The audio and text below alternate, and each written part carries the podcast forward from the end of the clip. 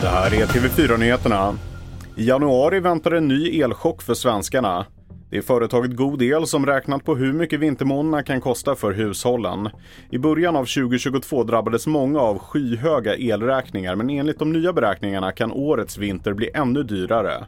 Vi hör God Els VD Maria Edman om orsakerna. Vi har kriget i grunden och påverkan av, de, av gaspriserna i Europa. Men så har vi också eh, just nu, som har lagt lite sten på börda, eh, den kärnkraft som vi har i Sverige som under december, eh, Oskarshamn 3, som är vårt största kärnkraftverk, kommer att vara i drift ett tag. Och så har vi Ringhals 4 som har ett fått ett förlängt driftstopp. Tre män har anhållits efter dödsskjutningen i Södertälje igår kväll. Offret är en man i 20-årsåldern som enligt polisen kopplas till en kriminell gruppering. Sedan slutet av september har polisen en massiv förstärkning i Södertälje efter att en intensiv gängkonflikt blossat upp. Hittills i år har 13 skjutningar inträffat i staden där sju stycken haft dödlig utgång. Världshälsoorganisationen WHO flaggar för att trycket på sjukvården kan bli extremt och årets influensasäsong riskerar att bli ovanligt intensiv.